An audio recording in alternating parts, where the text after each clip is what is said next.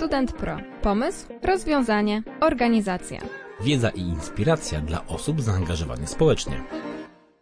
Cześć Dominik. Cześć, witaj, dziękuję za zaproszenie. E, jesteś pasjonatem i specjalistą od produktywności e, z wykorzystaniem talentów oraz sprawdzonych przez Ciebie technik i narzędzi do efektywnego działania. Od 2015 roku jesteś certyfikowanym e, trenerem Instytutu Galupa. Czy coś powinniśmy jeszcze dodać, tak przedstawiając Twoją osobę? Zgadza się bardzo, przy czym jest taka jakby z tyłu gwiazdka do tej produktywności, że dla mnie produktywność to nie jest cel sam w sobie, tylko bardziej technika, narzędzie, które pozwala osiągać cele. Nie? To, to z tą gwiazdką, że ja nie chcę być produktywny, żeby być produktywny, tylko chcę być produktywny, żeby mieć narzędzie, które pozwala, pozwala mi osiągać to, co potrzebuję. I tu bardziej mhm. teraz ostatnio, ostatnie lata bardziej mówię o intencjonalności, świadomym działaniu, ale tak, korzystam z narzędzi produktywności, mhm. efektywności, y, talentów, y, różnych rzeczy w kontekście skupienia, więc tak, wszystko się zgadza. To, to, to dobrze, dobrze, dobrze, to, tra dobrze trafiliśmy, no bo nagrywałem podcast dla osób, które nie tylko, że studiują, ale też działają w kołach naukowych, organizacjach, samorządach studenckich, czyli osoby, które troszkę więcej robią niż tylko studiują, czy kursują między, jak ja to mówię, uczelnią, mhm. imprezą a domem, tylko właśnie próbują coś jeszcze w te 24 godziny e, na dobę e, włożyć. No więc może przejdźmy od razu, znaczy od razu, no to jest takie pytanie, mm, e, może trochę z mojej perspektywy osoby już troszkę starszej, ale już już na studiach o tym słyszałem wiele razy. Dlaczego warto myśleć o swoim rozwoju e, osobistym przez cały czas? Jasne. To mam takie dwie perspektywy tutaj, nie? Ja teraz z rozmawiam, e, mamy 2023 rok. E, formuła podcastowa jest taka, że czasami ludzie słuchają tego po roku, dwóch albo w momencie wypuszczenia. Więc mam teraz 43 lata i tak, ja tam praktycznie odkąd pamiętam się cały czas rozwijam i cały czas się czegoś uczę. I, i w tym kontekście tak, warto myśleć o swoim rozwoju osobistym przez cały czas. Ja tutaj bardzo lubię podejście od Kalanie Porta, który opisał w swojej książce Deep Work, ale też od Andersa Eriksona, e, który opisał w książce e, Droga na szczyt. Oni tam mówią, że mm, tak naprawdę to, co robimy teraz, prawdopodobnie za 10-15 lat już nie będzie adekwatne i, i co chwilę będziemy potrzebować wynajdywać swoją karierę na nowo, nie? Na przykład teraz, jak rozmawiamy, bardzo popularny jest AI, chat GPT i tak dalej, nie? Mogłeś być kreatorem, marketerem, e, grafikiem, graficzką i tak dalej, i myśleć, o, mam fajną pracę i mogę tego się uczyć, nowych programów, aplikacji, kreatywności, a tak naprawdę potrzebujesz ogarnąć zupełnie nowy, nowy obszar wiedzy, tu i teraz. Nie? Tak, żeby, żeby nie Takie skończyć, rzeczy będą zdarzały. Żeby nie skończyć jak fotografowie, którzy wywołali zdjęcia. Przyszła nowa technologia i nagle oni zniknęli Dokładnie. z rynku. Tak, co jest, co jest ciekawe, e, fotografia analogowa teraz wraca dla hobbystów i to jest e, nowy nurt w ogóle na YouTubie mhm. a, i, i, i, gdzieś tam w, innym wydaniu, ale, ale, ale, ale zupełnie inaczej niż przedtem. Więc pod tym względem tak, zdecydowanie cały czas warto mieć rękę na, na pulsie a, i dbać o rozwój, ale też o umiejętności rozwijania się, umiejętności uczenia się. No i właśnie Newport mówi, że taką umiejętnością XXI wieku to jest umiejętność skupienia się, i, i, i wybrania tego, na czym pracujemy, ale też umiejętność szybkiego uczenia się. I to jest zgodne z tym, co powiedziałeś, dlaczego warto myśleć, nie? czyli tutaj potwierdzamy. Natomiast dla mnie e, też warto pamiętać, żeby działać intencjonalnie, zgodnie z tym, jaką mamy rzeczywistość. Są takie momenty w naszym życiu, że my nie wiem, porównujemy się do kogoś innego, robi taki kurs, takie studia, e, tutaj studia dyplomowe, jakieś szkolenia i tak dalej. My też byśmy chcieli, ale na przykład E, nie wiem, e, w naszym domu co się dzieje. Nie wiem, mamy starszych rodziców, którzy chorują i potrzebujemy się nimi opiekować. Albo, nie wiem, urodziło się nam dziecko. Albo w danym momencie podupadło nam zdrowie, potrzebujemy podreperować. I w tym momencie nie mamy wcale energii i siły na to, żeby się rozwijać, e, bo chcemy zadbać o coś innego. I jeżeli my działamy w ramach takiego imperatywu, że nie cały czas trzeba cisnąć i się rozwijać, to będziemy to robić w sposób, który będzie dla nas krzywdzący tak naprawdę, E, no bo będzie to kosztem naszego dobrostanu, naszego, e, naszej energii takiej długofalowej, e, może gdzieś będzie jakieś wypalenie, może będzie tak naprawdę mniejsza efektywność. Więc tak, warto się rozwijać, warto się umieć rozwijać, ale warto też patrzeć, jakie mamy okoliczności życiowe i dobierać to, co robimy teraz, na czym się skupiamy do tych okoliczności, okoliczności życiowych. Ja tu mówię ze swojego własnego doświadczenia, Kamil, wiesz, bo ja kiedyś kiedyś cisnąłem tak, nie? Cały czas, cały czas się rozwijać i w pewnym momencie miałem przesyt książek rozwojowych, e, aktywności rozwojowych, e, praktycznie przez parę miesięcy, czy nawet pół roku nie, nie, nie pochłaniałem niczego nowego, bo mi się to wszystko zmęczy, e, no przejadło, a przejadło się dlatego... Bo, było, bo było tego że, za dużo. E, to jest tak, tak trochę... ale też w kontekście no, życia, no nie? Mhm. Więc no, więc to się, jeszcze się jeszcze innego działo. Znaczy trochę na zasadzie nic na siłę. Ja miałem taką sytuację podczas pandemii, kiedy no, było trochę mniej do roboty, to zacząłem właśnie wchłaniać filmiki, kursy, książki, słuchać, wszystko tam właśnie rozwojach, biznesach i innych rzeczach i nagle zacząłem nawet nie jestem w stanie przytoczyć, z której książki coś wiem, albo wiem, że coś było, ale nie do końca wiem, o co w tym chodziło, więc y, dlatego od dłuższego czasu już lecę zazwyczaj z dwoma tytułami równolegle. Jeden to jest właśnie coś na przykład z rozwojem, e, albo jakieś nowe coś poleconego, a z drugiej strony coś zupełnie zabili go i uciekł, czyli jakieś historie po prostu, które można się spokojnie Jasne. E, zanurzyć w jakąś tam e, historię. Co to są te cechy osobowości? Y, możliwe, że studenci o nich słyszeli, ale jeszcze nie mieli okazji zrobić żadnego badania. Gdybyś tak naszkicował w ogóle, z czym to mhm. się je dla osób, które nie słyszały i które gdzieś tam słyszały, ale nie do końca łapią o co chodzi. Jasne. Y, znowuż gwiazdka, będę trochę gwiazdek dawał, nauczyłem się tego w swoim życiu. To, co powiem teraz jest z perspektywy osoby, która tym się zajmuje przez ostatnie 10, 12 lat, ale ja z wykształcenia jestem programistą i wychodzę się, wywodzę się z branży IT, więc to jest takie moje przetworzenie osoby technicznej, e, która bierze to jako narzędzie dla siebie. No generalnie jak mówimy o cechach osobowości, są różne modele, e, różne definicje, no ale generalnie ja się poruszam w czymś, co się nazywa psychologia pozytywna, która mówi o tym, że każdy z nas ma, e, ma takie obszary, w których się łatwiej poruszamy, łatwiej nam jest działać, w nowym gronie z nowymi osobami, lubię, lubią zadawać pytania, lubią e, do tych, do tych osób e, w jakiś sposób się odnosić. Są osoby, które łatwo analizują dane, są osoby, które lubią być zdyscyplinowane, poukładane, wiesz, od, od do mieć, mieć jakieś plany i dla nich to jest dostępne. I teraz te cechy osobowości to właśnie opisują jakieś podejście, które mamy lub nie mamy. To jest trudno powiedzieć, jakie te cechy osobowości są, dlatego że różne, są różne modele, e, które to opisują w różne taksonomie, które mają różne ujęcie. Ja na przykład pracuję z, najbardziej z Clifton Strengths, tak zwany, tak zwany test Galupa, który mówi bardziej o, o tym, co dla nas jest e, sposobach działania, myślenia reagowania. Są inne modele, które mówią o motywacjach. Są jeszcze inne modele, które mówią o stylach komunikacyjnych. Więc naprawdę w zależności od modelu, to trochę te cechy osobowości będą inaczej, inaczej opisywane, ale generalnie jest próba z, z, mm, zweryfikowania, nazwania obszarów, które dla nas są dostępne i tych, które są dla nas mniej dostępne, z taką myślą z tyłu, że według nauki, według psychologii, według e, neuronauki łatwiej nam rozwijać, wykorzystywać te części mózgu, które są mocno połączone, które ilustrują te, te, te cechy, versus te części mózgu, które są mniej połączone, czyli te rzeczy mniej dostępne. Warto nazwać e, te cechy osobowości, które nasze, nasze mamy, po to, żeby móc z nich efektywnie korzystać. No i pewnie tutaj rzucę parę, parę nazw. Tu rozmawialiśmy trochę też przed odcinkiem, czy są jakieś darmowe badania. Obiecałem, że ci później sprawdzę i wrzucę do notatek w odcinku, więc e, proszę sprawdźcie poziom notatki. Ja korzystam z Clifton Strengths, e, które dla studentów bodajże kosztuje niecałe 20 dolarów, pewnie nie wiem, 105 zł teraz w tym przeliczeniu, e, z tego co pamiętam.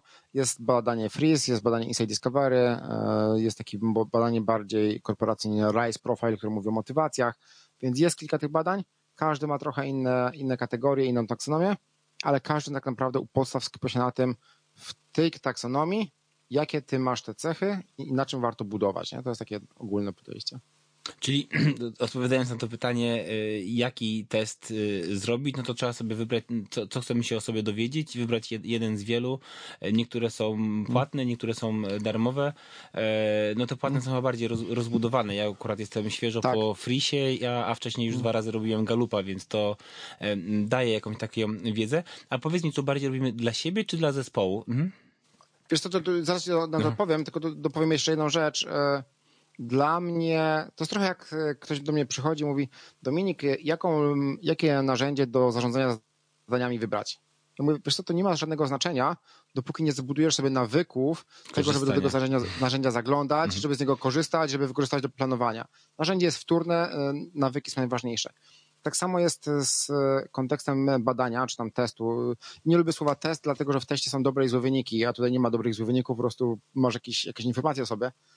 Możesz zrobić sobie jakiekolwiek badanie, Natomiast jeżeli nie popracujesz z tymi wynikami, nie zrobisz analizy, nie skorzystasz z tych narzędzi, które tam są dane, nie zobaczysz, jak to można rozwijać, jak o tym opowiadać, to tak naprawdę nie zyskasz nic. Nie zyskasz tylko etykietki w danym modelu, które możesz sobie opowiedzieć. Jak ktoś te etykiety rozumie, no to pewnie coś z tego zyskasz, ale najwięcej dla siebie wyciągniesz, e, kiedy zaczniesz nad tym nad tym pracować, więc to jest takie, takie, takie duże, e, duże założenie i wiem, że podkopuję to, co ja sam sprzedaję, no mówię, ja sprzedaję Clifton Strengths, ale dla mnie nie ma znaczenia, czy ty robisz Clifton Strengths, Freesa, czy, e, czy Kolory, czy Inside Discovery, dla mnie ważne jest to, że potem spędzisz trochę czasu rozumiejąc, co ci wyszło w tych wynikach i jak z tego możesz skorzystać, żeby nie wiem, lepiej się rozwijać, być bardziej efektywnym, efektywną, e, lepiej pracować w zespole. Nie?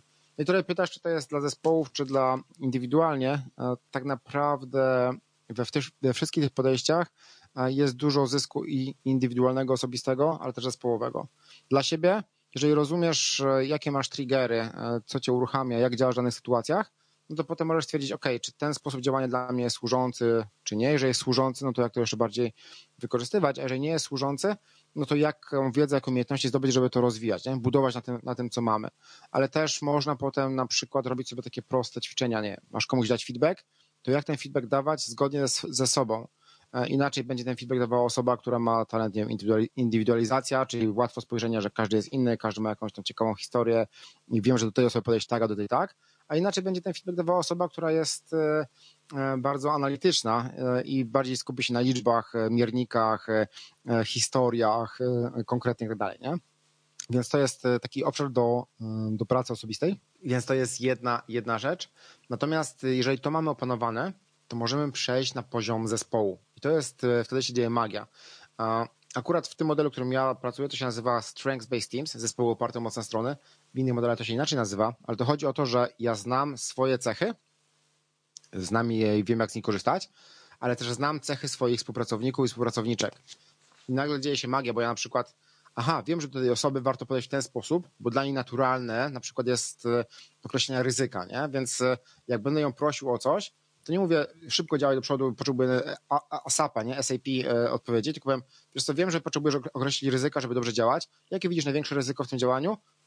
Ograniczmy je, a potem działajmy. Ale jak pójdę do kogoś, kto, mm, kto na przykład, nie wiem, ma łatwość patrzenia przez pryzmat rozwoju zespołu, to powiem, jest takie zadanie do zrobienia, jak myślisz, kto w zespole najlepiej skorzysta tym, żeby się rozwinąć, robiąc te, robiąc te rzeczy, nie? Albo jak możemy skorzystać z tego, żeby rozwinąć zespół. I to motywuje ludzi bardziej, bardziej do działania. Ale też zaczynamy myśleć, aha, jak z nim przejść do feedbacku, jak te osoby delegować, ale rozumiemy też pewne sposoby działania i przestajemy myśleć o nich jako frustrujący dla nas, bo są inne niż moje, a rozumiemy, z czego wynikają.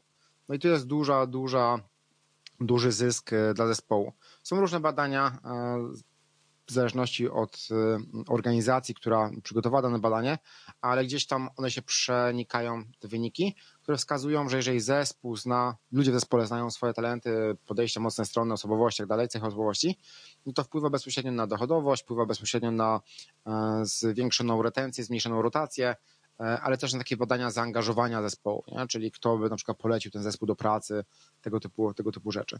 Więc i prywatnie, i zespołowo to bardzo będzie przydatne. Ja, ja sam jak skorzystałem sobie, na, najpierw prywatnie, potem w zespole. Mhm. Jak sobie myślę o tych zespołach studenckich, to po prostu kiedy mamy krótki czas, no bo często studenci są tylko na, na 2-3 lata w organizacji i za chwilę ruszają dalej, kończą pierwszy stopień studiów, zmieniają uczelnię i już nie tak, ja jeszcze studiowałem studia jednolite, więc tam w zasadzie człowiek wpadał na uczelni na 5 lat, a czasami więcej e, i, i mógł faktycznie długo działać, no to y, znanie tych y, cech osobo osobowościowych spowoduje, że łatwiej będzie nam budować atmosferę, że osobie, która e, nie lubi jakiegoś zadania, nie nadaje się do niego, mu, tej osobie go nie damy, ale w normalnym świecie, czy jak gdyby normalnie, kiedyś to po prostu wymagało czasu, dajesz komuś zadanie, widzisz, że mu nie idzie, dajesz drugie, znowu mu nie idzie, dajesz trzecie, o, to, to tej osobie pasuje, a tak dzięki tym, jeżeli jakaś organizacja by się pokusiła na zrobienie zespołowo e, takich e, Szukam zamiennika do testu, e, tak jak Badania, ba, tak, psychometryczne, tak, ankietę. Tak, tak.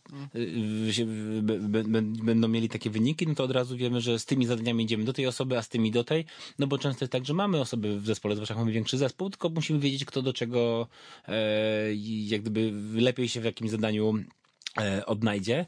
E, tu miałem takie pytanie, czy w takiej organizacji powinni być sami liderzy? Mhm. To jest ciekawe pytanie. Jeszcze mi, wiesz, jak zadajesz pytania, ja mam taki talent intelekt, który sprawia, że ja nie bardzo szybko działam, ale mi przychodzą głowy, rzeczy do głowy, więc zrobię na chwileczkę jeszcze trochę odwołanie do twojego poprzedniego pytania. Ostatnio pracowałem w, z grupą studentów w kontekście Galupa, ale w kontekście firmowym, która organizowała mentoring dla tych studentów. To było świetne wykorzystanie talentów. E, w parach mentoringowych, czyli osoba z firmy i osoba, y, studenci studentki, e, mieli zrobione talenty i dzięki temu lepiej się dobierali w pary mentoringowe, żeby sobie jak najbardziej pomagać. I to było super, super działanie. I naprawdę z poziomu firmy, która to organizowała, dużo, duży plus, no bo sprawiła, że ten mentoring naprawdę mógł być bardziej dopasowany do potrzeb danego, danej osoby, nie? albo sposób właśnie powiedzenia. Czy w organizacji powinny być sami, sami liderzy? E, lubię takie pytania. E, są takie badania, które pokazują, że jeżeli z, nie wiem, patrzysz na jakąś grupę i w tej grupie naturalnie wyłania się lider, tego lidera, liderkę usuniesz, to zaraz się pojawi kolejny lider, liderka, nie? I tak do, do ostatniej osoby, że zawsze ktoś przejmie inicjatywę w takim Nawet w takim, jak będą dwie, to będzie jeden, jeden lider, tak? Tak, tak. Zakładając oczywiście, że nie mamy jakichś ludzi z zaburzeniami i tak dalej. E, natomiast yy, trochę, de, de, mm, trochę zależy od tego, jak definiujesz słowo lider. Ja ze swojej, e, ze swojej praktyki e, e, zawodowej, kiedy prowadziłem zespoły mniejsze, większe, nie? prowadziłem zespoły jako lider bezpośredni, e, miałem cały dział, gdzie miałem liderów, którzy pracowali z ludźmi.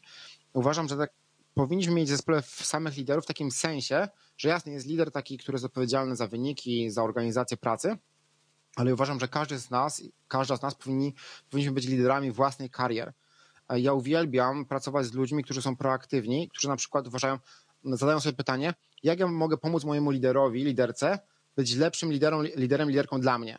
Czyli biorą odpowiedzialność za swoją karierę, swoją pracę, proaktywnie przygotowują się do, e, mm, do spotkań, proaktywnie zbierają informacje, gdzie się mogą rozwinąć, przychodzą do lidera, liderki z propozycjami. To trochę bycie liderem, nie? nadawanie kierunku, e, proponowanie, trochę zarządzają swoimi, e, liderują swoimi liderami, liderkami genialnie to się sprawdza w takiej praktyce, bo to naprawdę czasami liderzy, liderki mają dużo pracy i wiesz, to nie jest tak, że nie ma, że ja ściągam z nich odpowiedzialność. Oni mają odpowiedzialność za pracę z ludźmi, ale dużo łatwiej pracuje się z osobami, którzy też sami dla siebie są liderami i mają takie proaktywne podejście. Więc w tym sensie tak uważam, że w organizacji warto, żeby każdy był liderem, liderką, liderką dla siebie i dla swoich liderów, liderek, dla innych osób, w takim sensie, że motywujemy, pokazujemy kierunek, e, jesteśmy proaktywni, proaktywni. Tak. Szczególnie w organizacji takiej społecznej, gdzie, gdzie po prostu jesteśmy, żeby, żeby działać, w, każdy przychodzi w jakimś celu e, i nie jest to praca, tylko jest to właśnie takie miejsce, gdzie chcemy osiągnąć coś, zbudować, pojechać na zawody, zrobić jakiś ciekawy projekt. Każdy Dokładnie. dobrze jest zaangażowany. Zresztą chyba akurat y, koła i organizacje i samorządy są o tyle dobrym miejscem, że no tu jeżeli ktoś jest osobą, która nie ma ochoty działać, czy właśnie nie jest proaktywna, no to zostanie w domu, nie przyjdzie na rekrutację, nie, nie, nie weźmie udziału w niczym po prostu, tak? E, a, a z drugiej mhm. strony trzeba, mm, też widziałem takie sytuacje, kiedy jest na przykład zjazd przewodniczących samorządów studenckich, tam sami liderzy, tak? I też jakoś to funkcjonuje. I to, to jest ciekawa grupa, e, jeżeli chodzi o, mhm. o to, jak oni się zachowują w różnych sytuacjach i jak sobie dają radę z, z wyzwaniami. Chciałbym przejść trochę bardziej do konkretnych talentów Galupa, na których się znasz doskonale. Jakbyś trochę więcej powiedział, co, z czym to się wiąże, jest ta sławetna piątka, ale no, troszkę żebyśmy szerzej o tym powiedzieli, konkretnie o tym, o tym badaniu, no bo też od niego zacząłem kiedyś i, i otworzyło mi mocno e, oczy, zwłaszcza, że byłem w organizacji, gdzie wszyscy mieli zrobione talenty i nagle się wiele rzeczy wyjaśniło, można powiedzieć. Jasne. No ja, jak, e, korzystam właśnie z bardzo konkretnego narzędzia, ono się nazywa Clifton Strengths. Najczęściej w Polsce jest nazywane te, talenty Galupa, test Galupa. Już dlaczego nie test? Trochę o tym sobie rozmawialiśmy. Mm, w, tak jak powiedziałem, to jest zanurzone w pozytywnej psychologii, gdzie jest założenie, że każdy z nas ma łatwość działania w jakimś obszarze. Mm, I to badanie ma za zadanie w pewnym modelu, w którym jest y, opisane 34 cechy, 34 talenty, y, uporządkować je o takie, które mamy najbardziej widoczne do najmniej widocznych. No i samo badanie to jest tak naprawdę self-assessment, czyli ankieta, którą wypełniamy. Y, ona jest dosyć specyficzna, bo ma 177 pytań. Na każde pytanie mamy tylko 20 sekund, żeby odpowiedzieć i mamy przy każdym pytaniu dwa stwierdzenia, które czasami są z tej samej bajki, a czasami są z bardzo różnych obszarów, nie? Typu na przykład najlepiej odpoczywam w samotności, mam satysfakcję z osiąganych zadań. No i na skali e, pięciopunktowej musimy zaznaczyć, gdzie jesteśmy bliżej tego. No i czasami są, chcielibyśmy zaznaczyć obydwie odpowiedzi, czasami żadną. i w ten sposób to jest skonstruowane. Chodzi o to, żeby jak najbardziej rozrzucać po tych talentach, pytając o te, o te różne rzeczy. No i po tych 177 pytaniach, które odpowiadamy, dostajemy raport w zależności od wykupionej wersji, albo top 5 najmocniejszych cech, albo cały profil, 10 tak zwanych talentów dominujących, potem wspierających i tak zwane talenty mniejszościowe, które mamy na dole, których nie mamy, nie? Które, y, jak ktoś robi pełen profil, to często najbardziej najpierw patrzy, czego nie ma, a nie to, co ma. To taka też ciekawa, ciekawa nasza cecha ludzka. I to się robi po to właśnie, żeby zrozumieć, aha, to są moje naturalne sposoby działania, myślenia, reagowania. No i potem jest ta cała praca, o której mówiłem. Bo te talenty mogą być dojrzałe, takie, które nam pomagają, jesteśmy nich świadomi, ale mogą być też niedojrzałe, czyli mamy jakiś sposób działania, ale nie jesteśmy świadomi, że robimy to w jakiś sposób. No na przykład taki talent y, komunikatywność, który mówi o tym, że te osoby mają łatwość werbalnego, ale też innego przekazywania informacji, mówienia, rozmawiania i tak dalej. Kiedy jest dojrzały, sprawia, że umiemy przekazać wiadomość w dobry sposób, taki, żeby ktoś był zainteresowany, pewnie umiemy jakiś storytelling, umiemy podsumowywać, umiemy wyciągać taką esencję z tego, co, co słyszymy. Ale kiedy ten talent jest niedojrzały, to cały czas potrzebujemy mówić i zagadujemy, wtrącamy się, nie dopuszczamy innych do głosu i tak dalej. Ta sama cecha, w zależności od tego, czy jest świadoma, na jakim, dojrzała, na jakim, na jakim jest poziomie rozwoju, tak? No ale też jak Dokładnie, już ją tak, znamy, to wiemy, to wiemy też, że tam jest dużo tych materiałów, które można poczytać, doczytać, a jak jeszcze po angielsku się wejdzie, to tego jest naprawdę dużo tych informacji na temat każdego, każde, każdej, każdej z cech. Dokładnie. Dlatego warto zacząć od jednej, dwóch e, i, i z nimi pracować. Nie? I tak naprawdę o każdym talencie właśnie można powiedzieć te, te cechy dojrzałe, niedojrzałe. Ja sam jak zrobiłem badanie, to najbardziej okazało się, że mam taką cechę empatia, czyli łatwość i potrzebę nazywania emocji. Nie? Nawet jak dzisiaj nagrywamy, widzimy się wideo, no to dla mnie naturalne jest zastanowić się, czy Kamil jest y, zmęczony, czy zestresowany, czy zadowolony, szczęśliwy, uśmiechnięty w pośpiechu, czy nie bo wtedy mi się lepiej rozmawia, się dostosowuję wtedy do, do rozmówcy czy rozmówczyni. Natomiast u mnie ten talent był bardzo niedojrzały i na przykład przez to, że ja tego łatwo antycypuję i wymyślam sobie te emocje, myślę o tych emocjach i miałem komuś dać feedback, to się bałem ten feedback bać, bo od razu myślałem, a ta osoba pewnie poczuje się tak, tak i owak i się na mnie obrazi, nie? Albo ktoś mnie przychodzi i mnie prosił o coś, to bałem się odmówić, bo dla mnie znaczyło koniec relacji, no bo przecież będą takie nie inne emocje. Albo jak ktoś był smutny, to ja też byłem smutny, bo przyjmowałem emocje tej osoby. Natomiast pracowałem później właśnie dzięki temu, że odkryłem ten, e, ten talent, posłuchałem, czym ten talent może być, kiedy jest dojrzały, kiedy jest niedojrzały, rozpoznałem u siebie te niedojrzałe cechy i skorzystałem z tych materiałów, z rad, co można robić, żeby go przenieść na ten poziom dojrzałości. Czyli pracowałem nad e, słownikiem emocjonalnym, e, pracowałem nad rozpoznawaniem emocji, uczyłem się różnych metod mówienia o emocjach itd. Teraz uważam, że to jest moja super moc. Nie? Potrafię wejść na zarząd, powiedzieć, e, panie i panowie, tutaj nie będziemy pracować na tym, co mieliśmy, bo tutaj wyczuwam ogromną frustrację. Jak jest taka frustracja, to ciężko w ogóle coś prze, przepracować. Może skupmy się najpierw na tym, żeby wyczyścić pole, a dopiero idziemy do przodu. Kiedyś bym prędzej umarł, też, bym też bym wyczuwał tę frustrację, ale prędzej bym umarł, niż bym to powiedział, e, a teraz umiem to zaadresować. Jestem przez to bardziej skuteczny. Nie? Więc to jest, e, to jest bezpośredni wynik pracy z talentami. Nazwałem pewne cechy, poczytałem o nich, zobaczyłem, kiedy mi pomagają, kiedy przeszkadzają i miałem źródła informacji różne, jak z tego skorzystać jeszcze bardziej, albo jak na tym pracować. No i tak w skrócie na tym polega metodyka. Tak. Tutaj dużo też pokazałeś teraz rzeczy związanych z tymi osobistymi zastosowaniami, a ja jeszcze bym na chwilę wrócił, bo o tym wspomnieliśmy wcześniej, ale gdybyśmy jeszcze raz powiedzieli, e, mając właśnie duży zespół, czy w firmie, czy w kole naukowym, jak właśnie skorzystać z mm, wyników e, tego badania z perspektywy osoby, która zarządza mhm. taką e, organizacją? Tak, wiesz co, to jest takie dwie, trzy rzeczy, które mogę powiedzieć, które zwykle mówię ludziom po warsztatach. Nie? Jak prowadzę warsztaty w zespole, to potem rozmawiam z nimi to, co tak naprawdę możecie zrobić, żeby z tego skorzystać. I taka pierwsza rzecz, najprostsza, to jest, kiedy lider, liderka e, wykorzystuje to do rozmów jeden na jeden. Nie? Czyli na przykład lider, liderka ma w zespole, nie wiem, siedem osób i umie pokazać sobie, jakie on, ona ma talenty, jakie talenty ma ta osoba, z którą rozmawia, zobaczyć, w czym jesteśmy, czym są podobni, w czym są różni i na podstawie tego dostosowywać swoją pracę. I naprawdę dzieje się magia, kiedy to nie jest magia, to jest po prostu e, czujemy się zrozumieni, zrozumiane, e, kiedy to, to się dzieje. E, kiedy ktoś mówi do mnie językiem, który ja rozumiem, który ze mną rezonuje. Więc pierwsza to jest one-on-one, rozmowy rozwojowe i tak dalej. A druga rzecz, która może pomóc, to jest znalezienie osób w zespole, które mają inne talenty niż wszystkie inne osoby, bo my często jak nie rozumiemy czegoś działania, to zostawiamy te osoby z boku, nie? Załóżmy, że wszystkie osoby w zespole mają taki talent osiąganie, pchanie do przodu, kolejne zadania, odhaczanie i tak dalej, ale jest jedna osoba, która ma talenty rozwagę, która mówi, ale poczekajcie, tutaj widzę ryzyko, to się nie uda, tego nie damy rady zrobić, nie? Kiedy nie rozumiemy, z czego to wychodzi, to traktujemy tę osobę jako taką hamulcową, jeszcze negatywną, no bo cały czas mówi, że coś się nie uda. Tak, Ale a, to, a, to, jest po prostu, to jest po prostu jej talent. Yy, I Dokładnie, ona, naturalne podejście. Tak.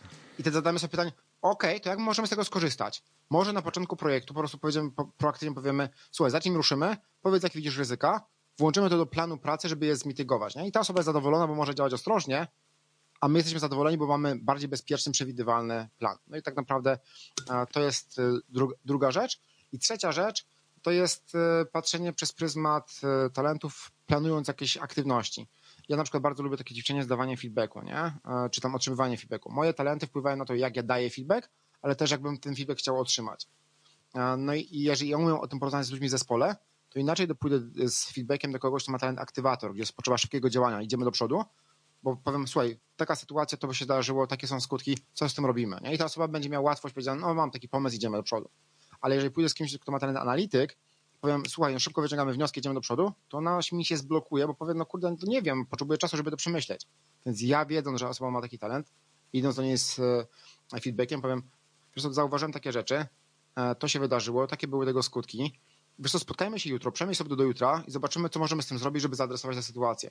Dostanę dużo lepszą odpowiedź, niż e, gdybym no powiedział, szybko. szybko idziemy, nie? szybko potrzebujemy. E, podoba mi się takie ćwiczenie warsztatowe, że jest grupa, każdy dostaje rolę w zespole i jest tam jeden lider, jeden taki łowca kontaktów, ktoś tam jest taki właśnie e, rozważny e, obawiałem jakiś temat, miałem jakieś zadanie, wyzwanie i nagle zmieniałem się rolami. Podaj dalej karteczkę z rolą w bok i nagle ta sama osoba z mhm. innej perspektywy ma spojrzeć na sprawę.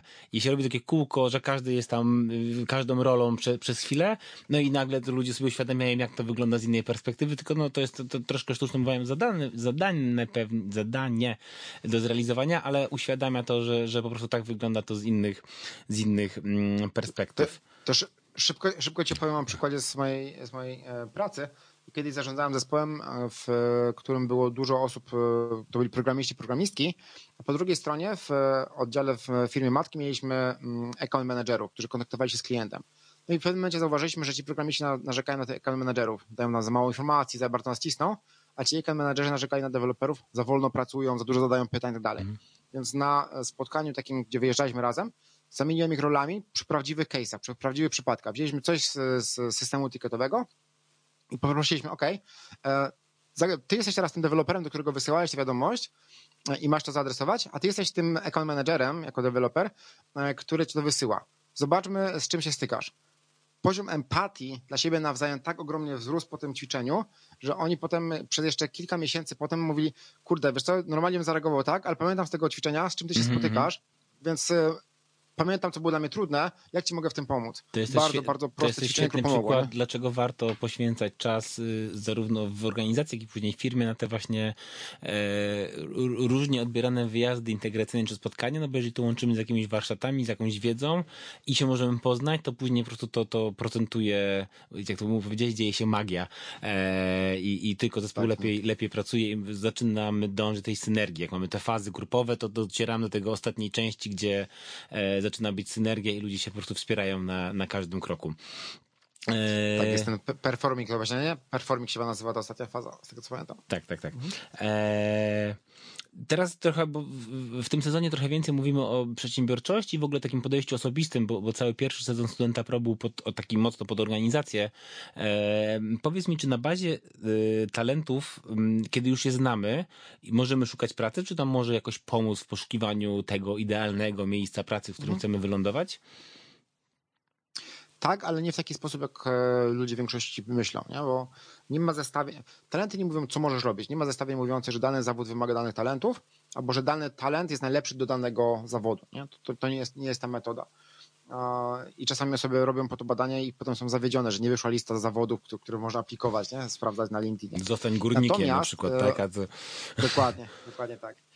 E, to, co widzę na rynku teraz, to jest bardzo często taki efekt, że wielu rekruterów, rekruterek, czy tam menedżerów, liderek, którzy, y, y, menedżerów, menedżerek, którzy, które rekrutują, znają swoje talenty i znają ten język. Więc jak przychodzi ktoś ze znajomością swoich talentów, umie o tym rozmawiać, powiedzieć, najlepiej działam w taki, w taki sposób, najlepiej się sprawdza w zespole, w którym na przykład jest jasna komunikacja, ale możemy też pogadać o emocjach, to osoby rekrutujące widzą, gdzie do, w zespole, w firmie to dopasować taką osobę. Wiedzą też potencjalnie, jak ta osoba poradzi sobie w projekcie, którym jest na przykład ciśnienie, albo gdzie są wysokie wymagania od klienta, który cały czas e, komunikuje się na przykład na wysokim poziomie. Nie tak, a z drugiej strony, gdzie jest projekt, gdzie jest potrzebna szczegółowość i potrzebna kogoś bardzo dokładnego. Dokładnie. Czyli też pamiętajmy o tym, że każdy talent jest dobry, tylko trzeba go dopasować w odpowiednie miejsce, tak? Dokładnie, tak. Więc czasami na rozmowach rekrutacyjnych były pytania typu, jakie są twoje mocne strony, to wyniki, y, czy to Galupa, czy Frisa, czy y, Inside Discovery dają świetną bazę, żeby o tym opowiedzieć. Zwłaszcza jeżeli się skorzysta z tych materiałów, które tam są, one naprawdę dają mnóstwo informacji, jak opowiedzieć o swoich talentach w taki sposób, żeby ktoś wiedział, to jakie jest moje podejście, co ja wnoszę do zespołu, relacji, projektu, zadania itd. Tak Więc w tym sensie tak mogą pomóc y, szukać pracy, też mogą sprawdzić potencjalne role, które chcemy w organizacji, czy będą pasowały do, do mojego sposobu działania. Czyli na, na przykład, nie wiem, ja jestem, wywodzę się z IT i są, a, są bardzo różne role dla programistów. Nie? Może być programistą, który jest e, odizolowany zupełnie od klienta, bo pracuje w zespole, który jest ukryty przed klientem, ale może być programistą, programistką, która na co dzień współpracuje z klientem, bo pracujecie w pełnym skramie i klient jest pełnoprawnym e, członkiem, członkinią zespołu i to wymaga innych, innych e, predyspozycji. E, inaczej się pracuje w projektach, które wymagają dużej szczegółowości e, i, i dużej wydajności, a inaczej pracuje się w projektach, gdzie testujemy tylko nowe podejścia i tak naprawdę robimy tylko zaślepki, byle coś sprawdzić i odrzucamy to dalej. Nie? Zupełnie, zupełnie inne, inne, inne typy osobowości, nawet charakteru są potrzebne. Więc gdybym ja teraz szukał pracy, a znam swoje talenty, to po znalezieniu pracy, która w miarę mi odpowiada, jeżeli chodzi o obszar, w jaki sposób starałbym się sprawdzić z zespołem, z ludźmi z tego zespołu, a jak moje talenty pasowały do tego zespołu. Więc ja czasami jak pracuję z ludźmi, to mm, sugeruję, słuchaj, poproś tego osoba, którą się rekrutujesz, która cię rekrutuje, czy możesz porozmawiać z kim zespołu. Albo poszukał na LinkedInie, kto pracuje w tym zespole i wysłałbym do tej osoby wiadomość i zrobiłem taki, takie, takie badanie. I w tym sensie talenty naprawdę mogą pomóc znaleźć tą właściwą rolę, nie rolę, właściwą rolę we właściwej organizacji, dopasowaną do mojego sposobu działania. Tak, żeby robić to co, to, co się lubi, krótko mówiąc, czyli to, co wszyscy mówią, rób to, co kochasz, tak, tak. nie będziesz pracować. No, to, to oczywiście żart. To, to, to, nie, nie, nie, tylko po to, wiesz, to też, co daje satysfakcję, czego się szybko uczysz, mhm. gdzie masz przybłyski doskonałości, że czasami możesz w tym siedzieć w jakimś stanie flow i tak dalej. To są różne rzeczy, ale jeżeli możesz mieć pracę, gdzie możesz szybko wchodzić te, te stany, no to naprawdę będzie się lepiej pracowało i ludzie też będą cię bardziej doceniać. Dobra, i y, do, docieramy do ostatniego pytania. Reasumując, jak zadbać o swoją efektywność już w praktyce, w działaniu? To jest bardzo filozoficzne pytanie, Kamil, hmm? więc y, wiesz, to przed chwilą uwaga, że mieścimy się w czasie, może nie być adekwatne teraz, e, ale nie, tak, tak serio. Mm, ja przez 10-12 lat tak naprawdę gdzieś pracuję nad tą produktywnością. Dalej powtarzam, rozumiano tak jak na początku mówiłem, bardziej jako narzędzie. Nie? Ja bardzo lubię porównanie do prawa jazdy, że robimy prawo jazdy nie po to, żeby jeździć samochodem, tylko po to, żeby efektywnie przemieścić się z punktu A do punktu B. I, I, dla mnie produktywność to jest właśnie to, żeby jak najbardziej efektywnie przemieścić się z punktu, w którym jesteśmy, do tego, w którym jesteśmy, celu, Czyli bardzo mi się podoba ten przykład z prawem jazdy. W ogóle jest, otwiera takie wow, tak, no bo to... E... Niestety nie mój, tylko Kala, Kala Newporta, tak, więc... Ale, ale dobry, dobry. E, jak, tak, będziesz tak, podpi- jak będziesz podpisywał, to Kal Newport to powiedział. Okay. E, o produktywności. Więc tak rozumiana, rozumiana e, produktywność, efektywność, jak o nią dbać, e, zakładając, że mamy takie podstawy, nie? podstawy rozumiane jako sen, odżywianie, aktywność fizyczną, e, e, odpoczynek co jakiś czas, ruch i, i tego typu rzeczy, to dla mnie dbanie o efektywność to jest dbanie o podejmowanie decyzji. Jak ja bym się miał uczyć teraz podstaw produktywności, efektywności, to bym dbał o to, żeby jak najbardziej umieć podejmować decyzje. W każdym momencie stykamy się z, z decyzją. Jak do mnie napisałeś, to ja rozmawialiśmy już dawno temu, nie? Ja ci powiedziałem, teraz nie mam do przestrzeni, i to była decyzja, pomimo tego, że to było ciekawe, lubiłem o tym rozmawiać, fajne grono ludzi, fajny target, tak dalej, to ja wtedy miałem decyzję, ok, jak zgodzę się na rozmowę z Kamilem, pomimo tego, że to jest 45 minut tylko, to czego w tym czasie nie zrobię?